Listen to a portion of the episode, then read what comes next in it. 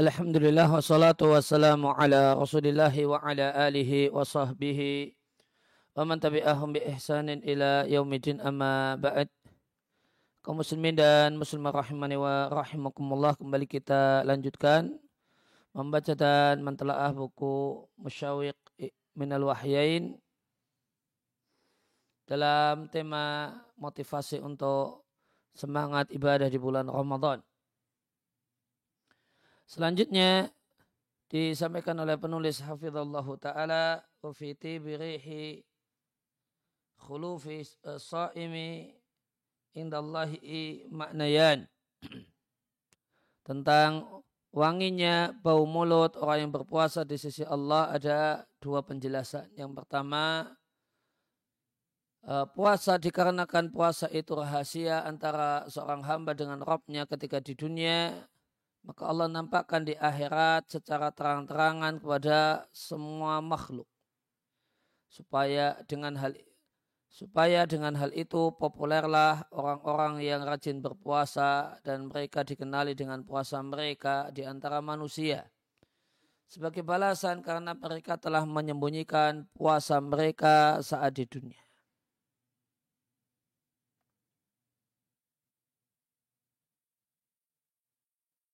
Kemudian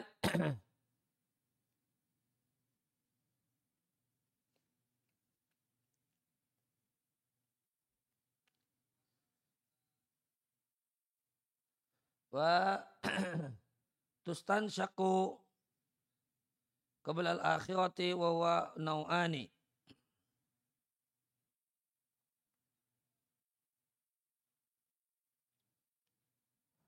dan bau tersebut bau wangi tersebut sudah bisa terhirup sebelum akhirat.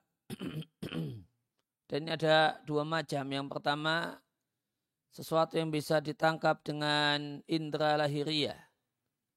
Adalah Abdullah bin Ghalib di antara ahli ibadah yang mustahidin yang eh, sungguh-sungguh dalam sholat dan puasa. Falam madufina tatkala dimakamkan maka semerbaklah min turabi kubrihi dari tanah kuburnya bau kasturi. Lantas terlihatlah dalam mimpi, dalam tidur, dan ditanyakan tentang bau tersebut, ya itu bau yang dijumpai di kuburnya. Fakal maka jawaban beliau, di mimpi itu tilka raihatu tilawati wa dhama'i itu adalah bau harum karena baca Al-Quran dan karena kehausan yaitu karena puasa.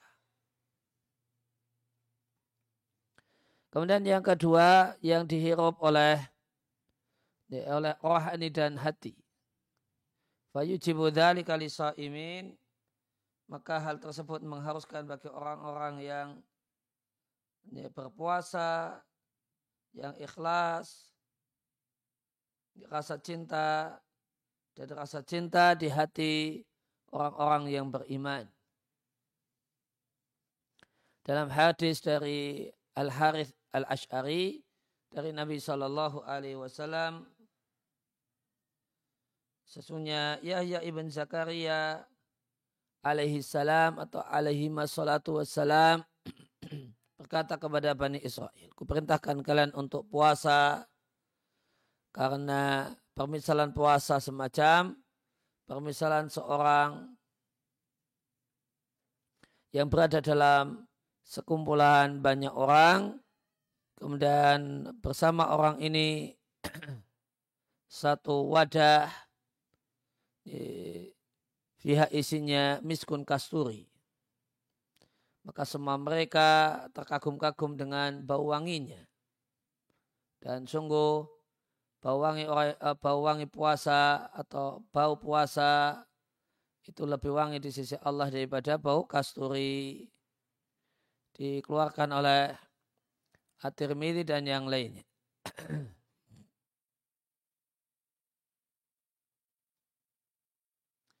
Walam makan dan dikarenakan perkara orang-orang yang ikhlas dengan puasanya untuk Allah itu adalah rahasia antara Allah dengan mereka. Allah nampakkan rahasia tersebut untuk hamba-hambanya. Sehingga menjadi ala niatan, sehingga menjadi satu hal yang terang-terangan. Fasarah hadat tajalli maka nyata wal idhar dan nampak ini adalah balasan lidzalika sauni wal israri. Karena sudah menjaga puasa dan menyembunyikan puasa.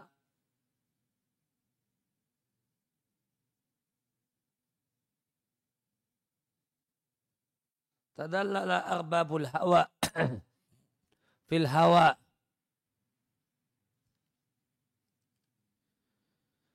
Maka eh, para pengikut kesenangan dan hawa nafsu itu menghinakan diri fil hawa dalam hawa nafsunya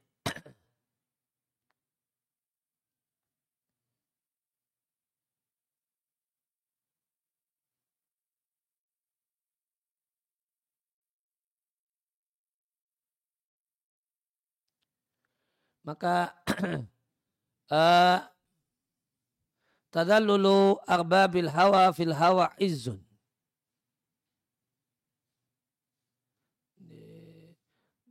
Wa fakruhum nahwal habibi huwal qanzu. Atau ini al-hawa itu cinta. Para pemilik cinta ketika mereka menghinakan diri dalam cintanya, maka itu kemuliaan wa fakruhum nahwal habibi dan ketika mereka membutuhkan nahwal habibi pada kekasih hati wal kanzu maka itu harta simpanan. Wasatruhum fihi asaraira syuhratan wa atau syuhratun. Maka mereka sembunyikan dikarenakan yang dicintai fihi al-habib al-saraira rahasia-rahasia itu adalah syuhratun, itu adalah popularitas.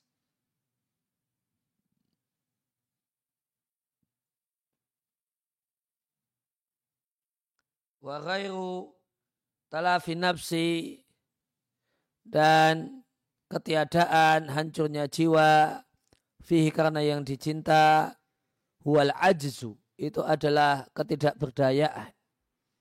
Karena berdaya dan hebat itu manakala jiwa itu hancur karena yang dicintai. Ini yang pertama jadi bau wangi tersebut intinya adalah hakikatnya adalah mempopulerkan puasa yang asalnya sembunyi-sembunyi dan bau wangi tersebut bisa Eh, di samping di akhirat sudah bisa tertangkap sebelum akhirat. Kemudian yang kedua,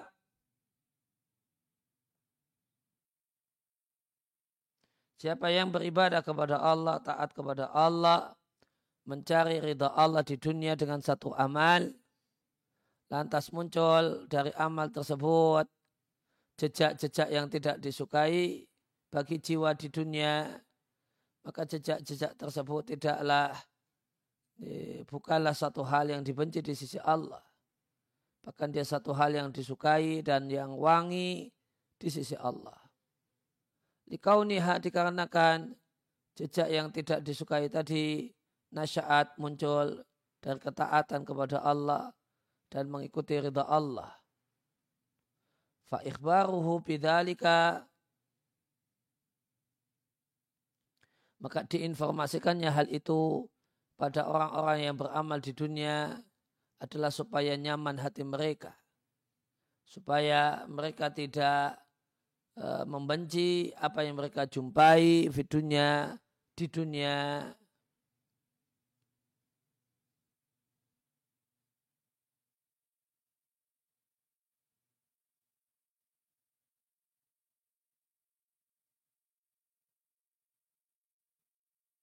Jadi karena jadi maka diinformasikan bahasa itu lebih wangi di sisi Allah supaya orang-orang yang berpuasa ketika di dunia tidak membenci uh, bau uh, bau tidak sedap yang yang keluar dari mulutnya karena ketaatan dan ibadah. Habatil yauma ala kulubi nafhatun min nafahati nasimil kurabi. Telah bertiup di hari ini di, pada di, pada hati pemberian di antara pemberian nasim angin al-kurabi berbagai macam kurbah amal yang mendekatkan diri kepada Allah. Saat uh, samsarul mawaidi maka para maklar nasihat itu berupaya lil mahjurin fi sulhi. Atau lil mahjuraini untuk dua orang yang saling mendiamkan berupaya fi sulhi mendamaikan uh, wasalat al bisyarati lil bil wasli uh, maka kabar gembira telah tersambung telah terhubung dengan orang-orang yang terputus tersambung bil wasli sambung. Walil mudnibina dan bagi para pendosa bil afwi ma'af. Wa dan bagi orang-orang yang harus masuk neraka tersambung dengan bil itqi bebas dan merdeka dari neraka. Lama tatkala sulisila syaitanu setan dibelenggu di bulan Ramadan dan dipadamkan api syahwat dengan puasa. Menjauhlah kekuasaan hawa nafsu dan jadilah daulah kekuasaan itu untuk penguasa yaitu penguasanya adalah akal. Yang menetapkan hukum dengan adil maka tidaklah tersisa bagi pelaku maksiat udrun alasan. Ya ghuyumal ghaflati anil kulubi wahai mendung kelalaian menjauhlah takosyai anil kulubi menjauhlah dari hati. Ya sumu takwa wahai matahari takwa dan iman muncullah wahai lembaran-lembaran amal orang yang berpuasa naiklah wahai hati orang-orang yang berpuasa khusyuklah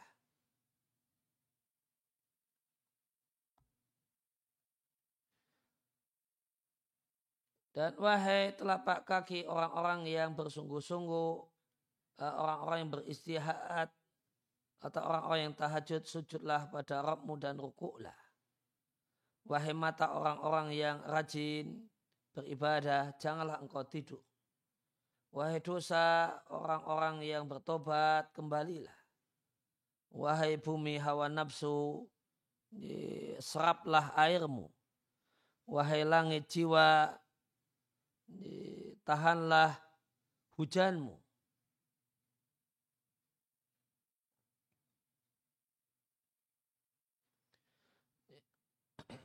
Wahai petir, para perindu, maka ilmai eh, bercahayalah untuk para perindu. Wahai lintasan-lintasan orang-orang yang arifin, lintasan orang-orang yang betul-betul mengenal Allah, irta'i nikmatilah.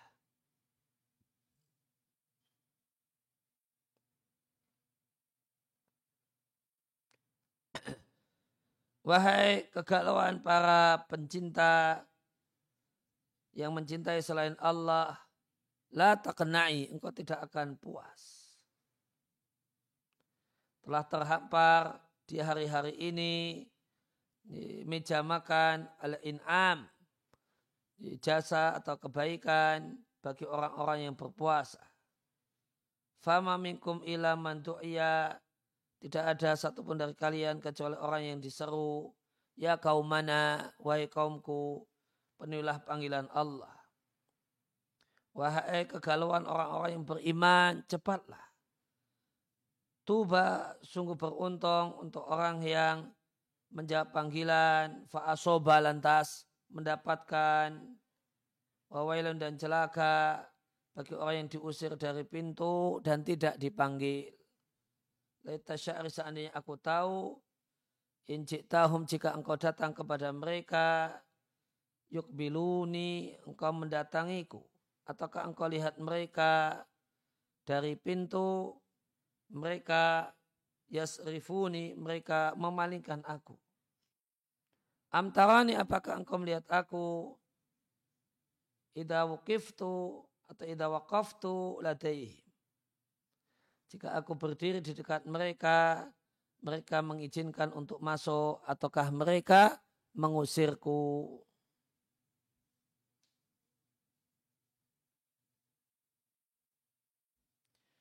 Ya, kemudian kita masuk pada uh, poin yang kelima digambarkannya orang-orang yang berjihad itu gambar, digambarkan dengan orang yang berpuasa karena demikian besarnya pahala berpuasa dari Abu Hurairah radhiallahu anhu disampaikan kepada Nabi Shallallahu Alaihi Wasallam apa yang setara dengan jihad di jalan Allah. Kal jawab Nabi kalian tidak akan mampu melakukannya. Namun orang-orang pun mengulang pertanyaannya kepada Nabi sampai dua atau tiga kali. Di setiap itu jawaban Nabi kalian tidak akan mampu melakukannya. Wakala Nabi mengatakan di kali yang ketiga. Misalnya orang yang berjihad di jalan Allah seperti orang yang berpuasa di pagi di siang hari.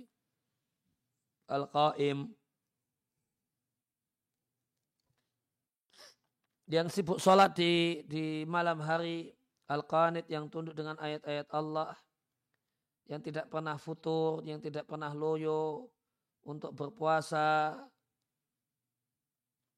tidak pula pernah loyo untuk sholat, sehingga orang-orang yang berjihad di jalan Allah kembali dari jihadnya. Demikian adalah hadis yang diriatkan oleh Muslim. Di sini diriatkan oleh Al-Bukhari dengan redaksi Permisalan orang yang berjihad di jalan Allah dan Allah lebih mengetahui tentang orang yang berjihad di jalannya adalah seperti orang yang di siang hari puasa, malam hari sholat, dan Allah menjamin bagi orang yang berjihad di jalan Allah jika Allah wafatkan maka Allah jamin akan Allah masukkan dirinya ke dalam surga jika dia kembali dalam keadaan selamat atau kembali dalam keadaan selamat membawa pahala atau ghanimah harta rampasan perang. Ini redaksi Al-Bukhari. Kemudian dari An-Nu'man bin Bashir radhiallahu anhu Rasulullah sallallahu alaihi wasallam bersabda permisalan orang-orang yang berjaya di jalan Allah seperti orang yang berpuasa siang harinya dan sholat di malam harinya sampai mujahid tadi kembali hatta yarji'a mata hatta yarji'a mata yarji'u.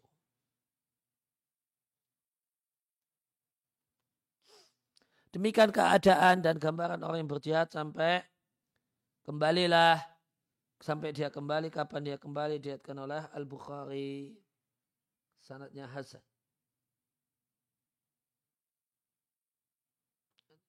Demikian diriatkan Imam Ahmad sanatnya Hasan. Maka dalam dua hadis ini taswiqun azimun ada motivasi luar biasa untuk melakukan ibadah puasa dalam bentuk yang terbaik. Ke orang yang berjihad itu yang telah menundukkan jiwanya dan napasnya untuk jihad di jalan Allah.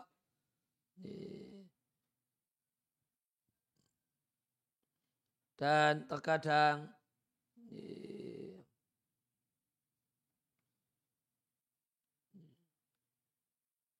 tercabutlah nyawanya atau dipukullah badannya dan dilukai badannya dan wa yusabu bi isobatin muta'addidah terkena dengan terkena luka berkali-kali.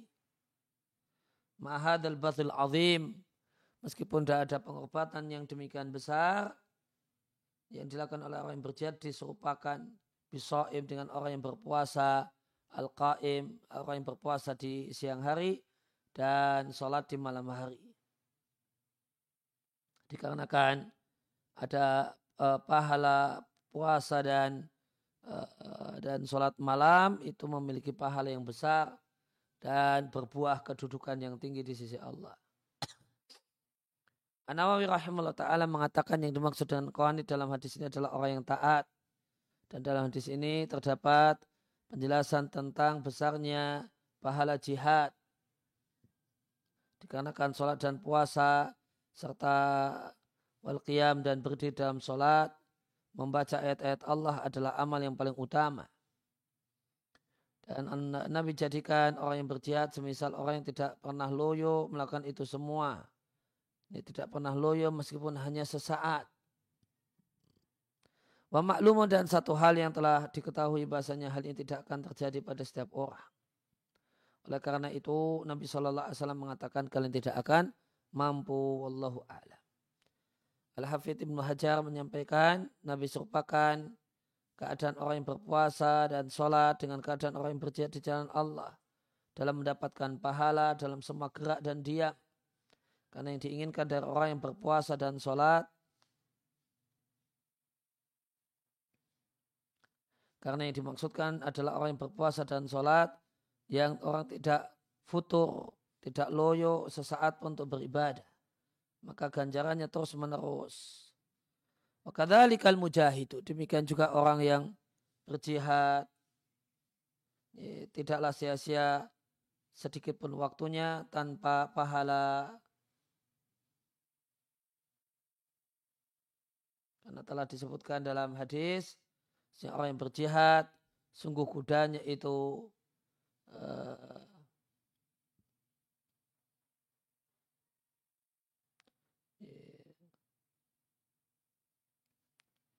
tidaklah kudanya itu bergerak ya, ya, fayuk tabulau hasanat dan itu akan tercatat menjadi amal kebajikan untuk uh, mujahid itu. Wa asrahu minu dan yang lebih tegas dari hal itu adalah firman Allah Ta'ala Dalika bi'annahum hal itu dikarenakan mereka la yusibum doma'un wala nasobun tidaklah mereka merasakan haus, tidak pula capek, kecuali itu tercatat di sisi Allah sebagai amalun soleh. Sebagai amal kebajikan.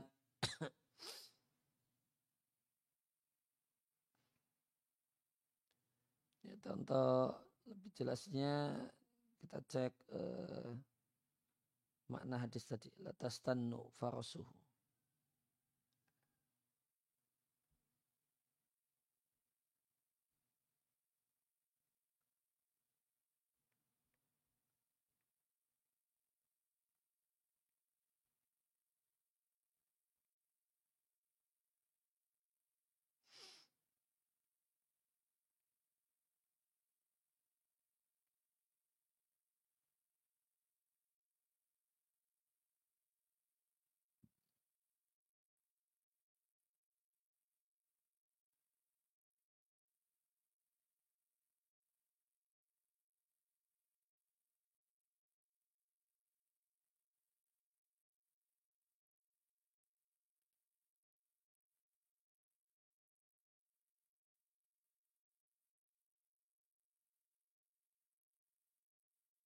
Uh,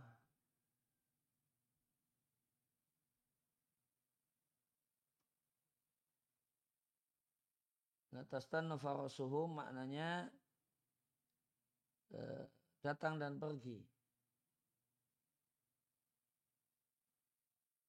Ya, datang dan pergi dalam uh, dalam semangat, energik datang dan pergi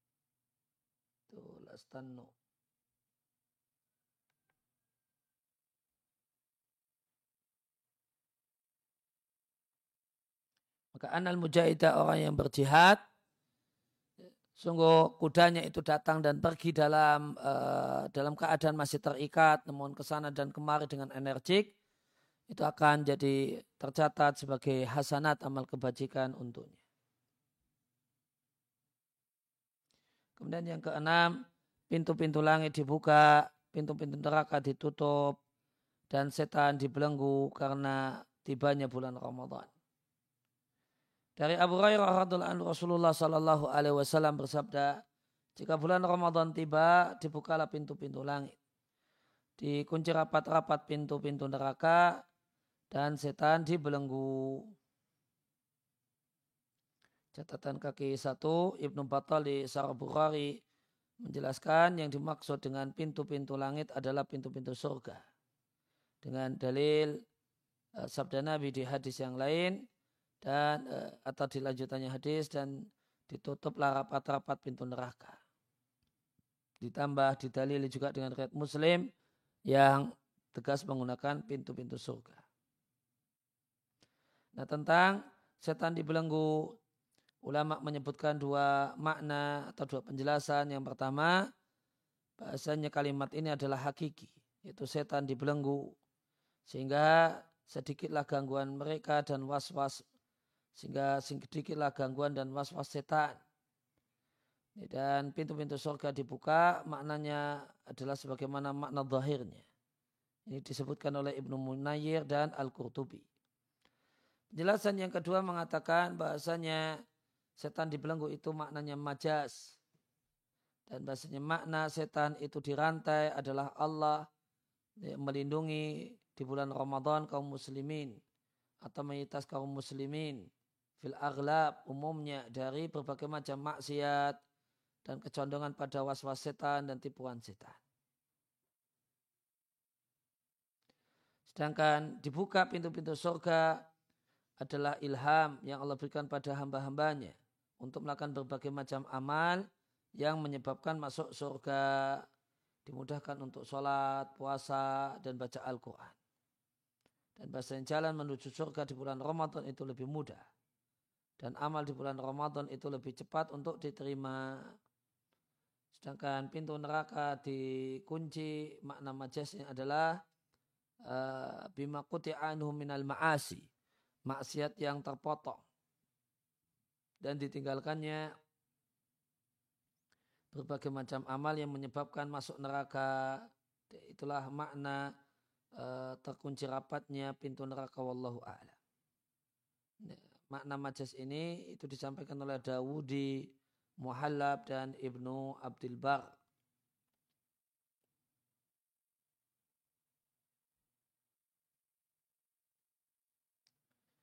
Uh, faedah Qurtubi mengatakan di kitabnya Al-Mufhim, Sarah Sahih Muslim, jika uh, jika ada yang bertanya, kita uh, kita bisa tetap melihat kejelekan dan maksiat terjadi di bulan Ramadan dan itu kathiran banyak terjadi. Andai setan itu dibelenggu, tentu tidak akan terjadi kejelekan. Maka jawabannya min aujuhin ada beberapa jawaban. Yang pertama, eh, setan hanyalah dibelenggu dari eh, orang-orang yang berpuasa. Dan itu dikarenakan puasa yang terjaga memenuhi syarat-syaratnya dan memperhatikan adab-adabnya.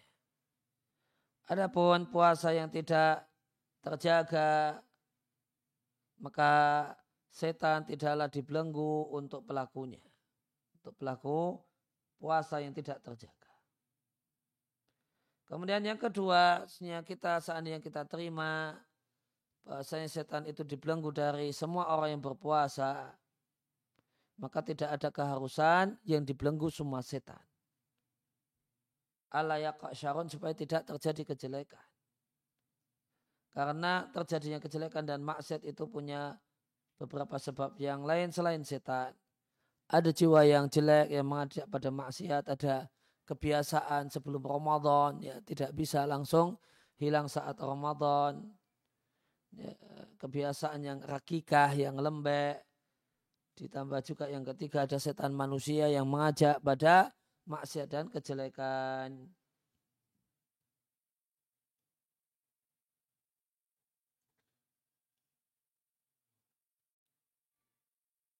Ini penjelasan dari uh, Abul Abbas Al-Qurtubi di kitabnya Al-Mufhim Sarah Sahih Muslim.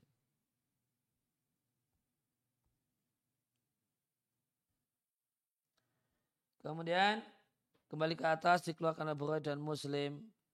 Walafdhu dan redaksi jika Ramadan dapat, uh, tiba pintu-pintu surga dibuka, pintu-pintu neraka ditutup, dan setan-setan dibelenggu.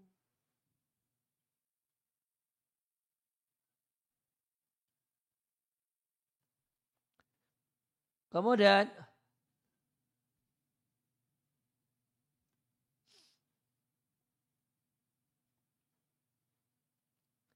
eh, puasa itu bisa menghilangkan wahara sodri. Catatan kaki wahara sodri di nihaya firari bila hadis disampaikan. Bitahrik semuanya diberi harokat. Jadi wahar. Itu adalah hisyuhu wa wa wasawisuhu uh, rish tipuan kemudian uh, was-was bisikan-bisikan. Ada yang menjelaskan al-haqqat dendam al-ghaid marah. Ada yang menjelaskan al-adawah permusuhan. Ya ada yang menjelaskan asyadul ghadab marah yang paling keras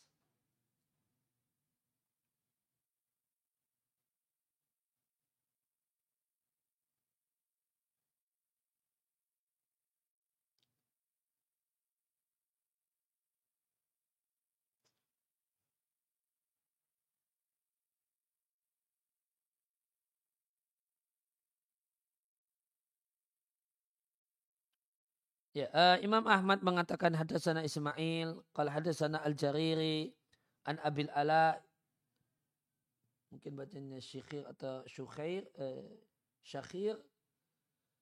Aku berada bersama Mutarif, Mutar bin Abdullah, seorang tabi'in. Di pasar unta.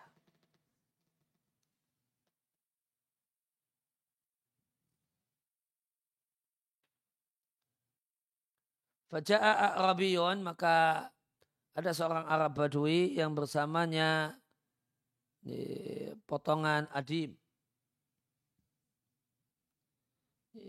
Potongan kulit ya. Au jarab. Kulit ada tulisannya. Atau jirab.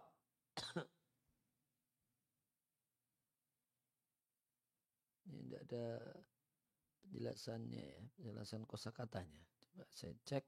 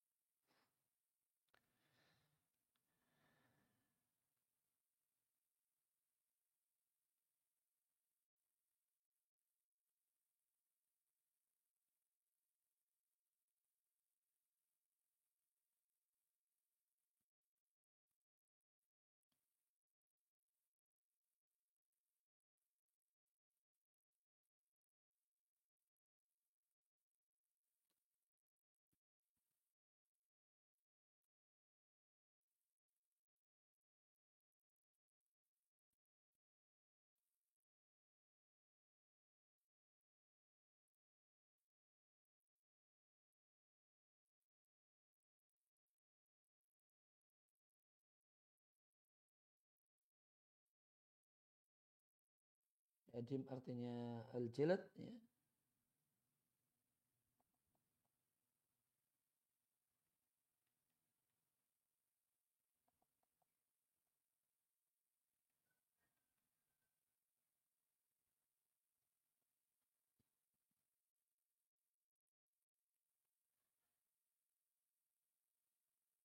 Jirab makna aslinya wi'a'un yufadu fihi zat.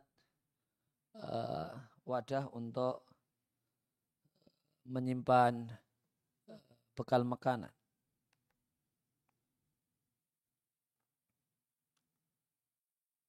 Ya, ada satu sejenis kertas gitu ya. Fakalan tas Arbadui tadi mengatakan siapa yang bisa membaca ataukah di antara kalian ada orang yang bisa membaca maka aku katakan kata siapa ini ini kata Abul Ala Naam aku bisa, maka aku ambil ternyata isinya. Bismillahirrahmanirrahim. Dari Muhammad Rasulullah kepada Bani Zuhair ibn Aqyash. Satu hayu, satu kampung dari kabilah Ukal. Ini bahasanya mereka jika mereka bersyahadat la ilaha illallah dan Muhammad Rasulullah. Dan mereka meninggalkan orang-orang musyrik dan mengakui adanya seperlima dalam harta rampasan perang untuk Allah dan Rasulnya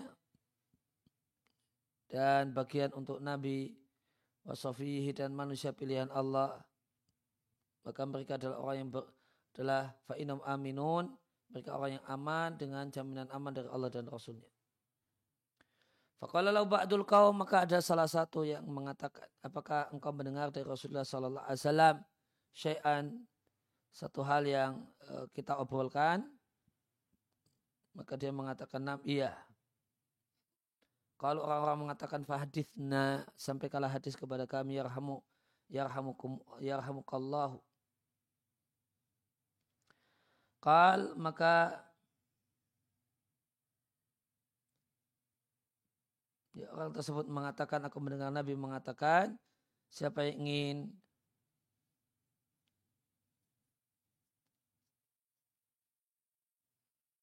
Mansarahu siapa yang suka Allah hilangkan banyak dari ganjalan dadanya. Maka berpuasalah di bulan kesabaran itu bulan Ramadan. Atau tiga hari setiap bulannya. Maka faqala lahu maka orang-orang atau sebagian mereka bertanya apakah engkau mendengar ini dari Rasulullah sallallahu alaihi wasallam. Maka dia mengatakan ya, aku lihat kalian menuduhku berdusta atas nama Rasulullah Sallallahu Alaihi Wasallam ya. Eh, di versinya Ismail terkadang uh, yang beliau katakan kalian uh, takhafun kalian takut wallahi demi Allah.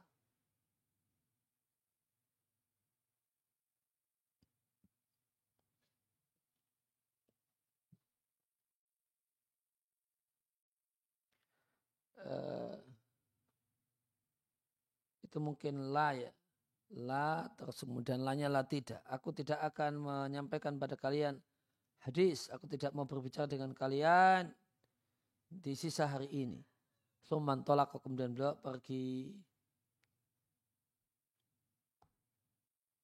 Di sini hadis yang sahih. Saya mukbil di Al-Jami' saya menyampaikan hadis sahih dikeluarkan oleh Abu Dawud Nasai dan nama sahabat yang tidak disebutkan dalam hadis ini adalah An-Namr ibn Taulab atau Taulib sebagaimana di Tufatul Ashraf. Nah, dalam hadis ini terdapat tasywikun azimun motivasi yang luar biasa untuk berpuasa. Karena di antara manfaat puasa di dunia adalah menghilangkan ganjalan dada.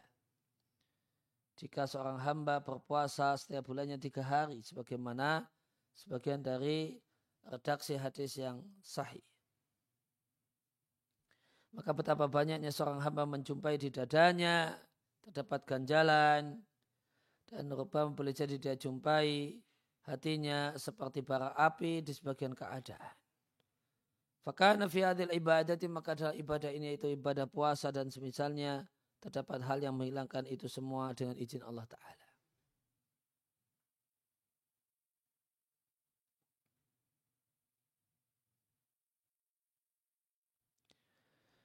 Ya, kemudian yang kedelapan puasa dan kiam dan sholat malam ada di antara sifat hamba Allah yang siddiq dan sifat para suhada. Dari Amr ibn Murrah al-Juhani radhiallahu anhu ada seorang yang datang menemui Nabi Shallallahu Alaihi Wasallam dan mengatakan, Wahai Rasul Allah, apa pendapatmu jika aku bersaksi la ilaha illallah dan kau ada utusan Allah? Aku mengerjakan sholat lima waktu, aku bayar zakat, aku puasa Ramadan, dan aku melakukan ini dan ini maka termasuk siapakah aku? Qal Nabi mengatakan termasuk siddiqin wa syuhada. Dikeluarkan oleh Ibnu Hibban. Ibnu Hibban berikan judul bab untuk hadis ini. Uh, pembahasan tentang para malaikat pencatat uh, Allah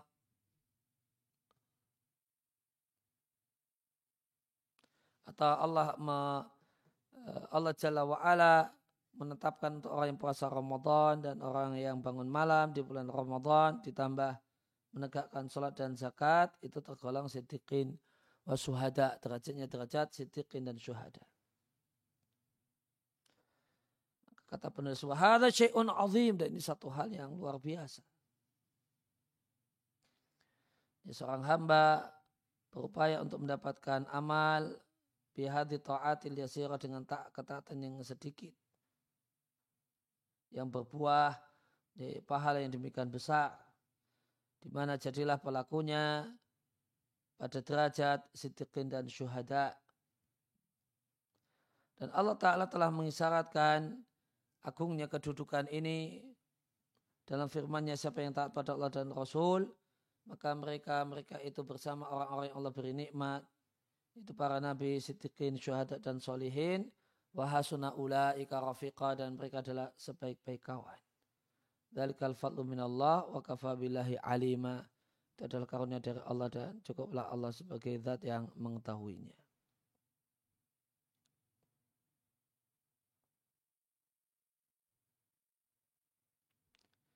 Kemudian yang kesembilan, puasa adalah min a'zami mukafirati dhunub. Termasuk penghapus dosa yang paling penting. Dari Abu Hurairah radhiallahu anhu Rasulullah sallallahu alaihi wasallam bersabda, Salat lima waktu, salat Jumat ke salat Jumat berikutnya. Ramadan ke Ramadan berikutnya itu menghapus dosa yang terjadi di antaranya jika dosa besar dijauhi. Atau selain dosa besar. Diriatkan oleh muslim.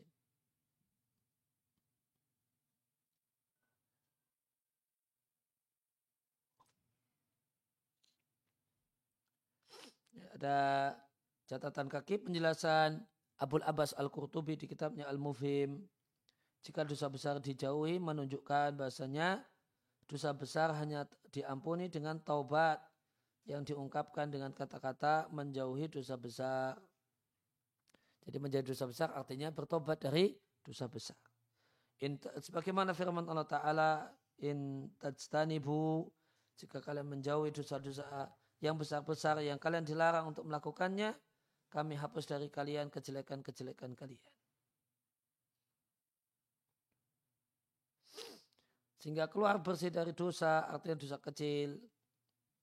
Thumma itu ainnya mungkin keliru ya. Thumma buddha, kemudian tidak boleh tidak pada sebagian orang. Sebagian orang diampuni dosa besar dan dosa kecilnya sesuai dengan keikhlasan yang hadir bersamanya uh, dan dan apa yang dia perhatikan berupa al-ihsan, berbuat baik, wal adab dan adab. Ini adalah karunia Allah yang Allah berikan pada siapa saja yang Allah kehendaki. Jadi, idza batil kabairu jika dosa besar dijauhi itu artinya bertobat darinya. Dari Abu Sa'id Al-Khudri radhiyallahu anhu aku mendengar Rasulullah sallallahu alaihi wasallam bersabda, siapa yang puasa Ramadan dan mengetahui batasan-batasannya dan menjaga mie makanan yang berilahu yang sepatutnya untuk dijaga, maka kufira ma qablahu. Maka dihapuslah dosa-dosa sebelumnya dikeluarkan Imam Ahmad. Statusnya sahih dirairihi.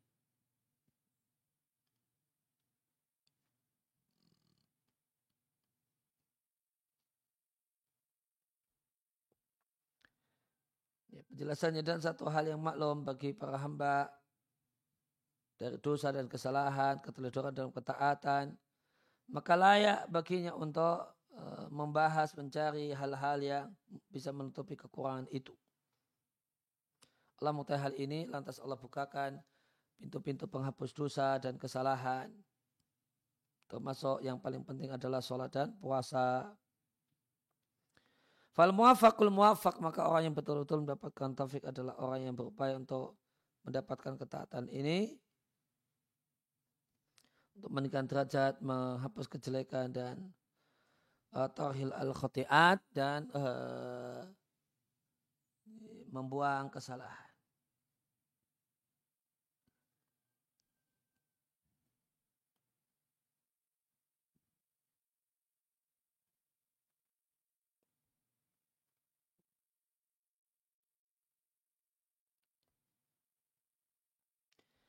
Kemudian yang ke-10 puasa di antara sebab yang punya dosa dari Abu Hurairah radhiallahu anhu Nabi Shallallahu alaihi wasallam naik ke atas mimbar dan mengucapkan amin tiga kali. Ditanyakan wahai Rasul Allah sunya engkau ketika engkau naik mimbar kau mengucapkan amin tiga kali. Nabi mengatakan sunya Jibril datang padaku dan mengatakan siapa yang menjumpai bulan Ramadan lantas tidak tidak mendapatkan ampunan sehingga masuk neraka semoga Allah menjauhkannya. Katakanlah Muhammad amin maka aku mengucapkan amin. Yang kedua orang yang menjumpai kedua orang tuanya dan atau salah satunya dalam keadaan tua renta. Lantas tidak berbakti kepada keduanya sehingga anak ini mati dan masuk neraka. Semoga Allah tidak menjauhkannya. Semoga Allah menjauhkannya. Katakanlah wahai Muhammad amin, maka aku katakan amin. Waman dan orang yang dukir tak ingdahu, engkau disebut namanya. Di dekatnya lamu tidak mau berselawat untukmu sehingga dia meninggal dunia. Lantas masuk neraka, semoga Allah menjauhkannya. Katakanlah amin, maka aku katakan amin. Dikeluarkan oleh Ibnu Hibban.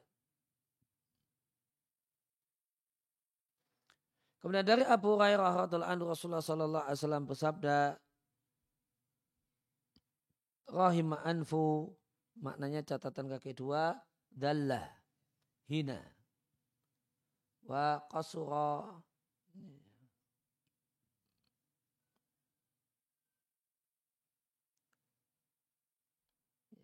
Coba saya cari arti qasara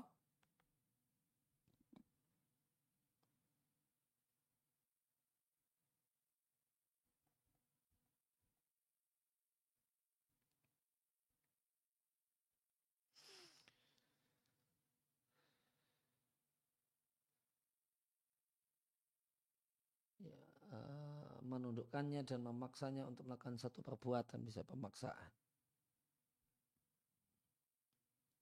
Hina kemudian uh, ya hina karena ditundukkan.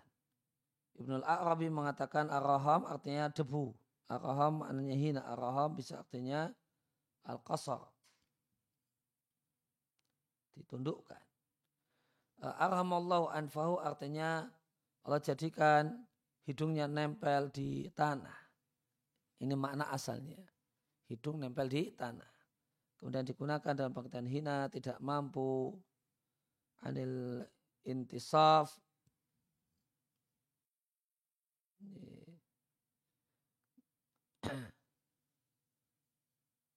objektif, intisaf dan patuh dalam keadaan terpaksa.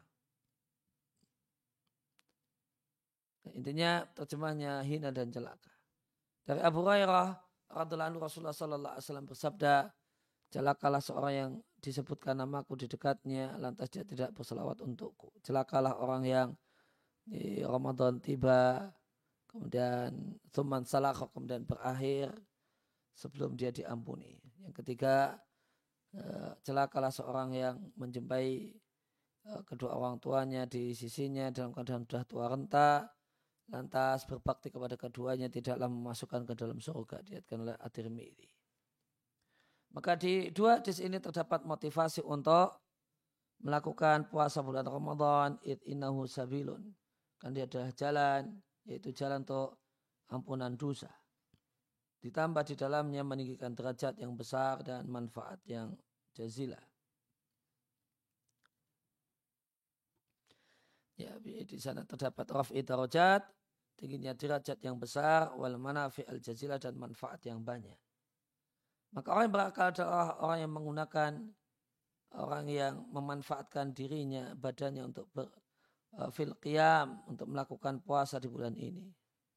Dan menunaikan puasa sebagaimana yang diinginkan oleh Allah dan Rasulnya, supaya dia beruntung dengan membawa kebaikan yang besar di mana eh, bentuknya Ramadan berakhir dan telah dihapus dosa-dosanya, telah ditinggalkan kesalahan-kesalahannya. Ya, tidak sebagaimana zalikal mudabbar. Siapa itu mudabbar? Orang yang uh, menjadikan begadangannya untuk menonton sinetron dan wanadar dan melihat al-kunawat saluran televisi Nas'alullah taufiqa wa sadada. Atau la dhalikal mudbir, orang yang berpaling. Tidak seperti orang yang berpaling yang menjadikan begadangnya untuk nonton silsilat, silsilat, silsilat itu sinetron berseri dan melihat al-qanawat, saluran-saluran televisi. Ya. Uh, demikian uh, wasallallahu ala nabiyina Muhammadin wa akhiru da'ana alhamdulillahi rabbil alamin. Subhanakallahumma wa bihamdika asyhadu an la ilaha illa anta astaghfiruka wa atubu ilaik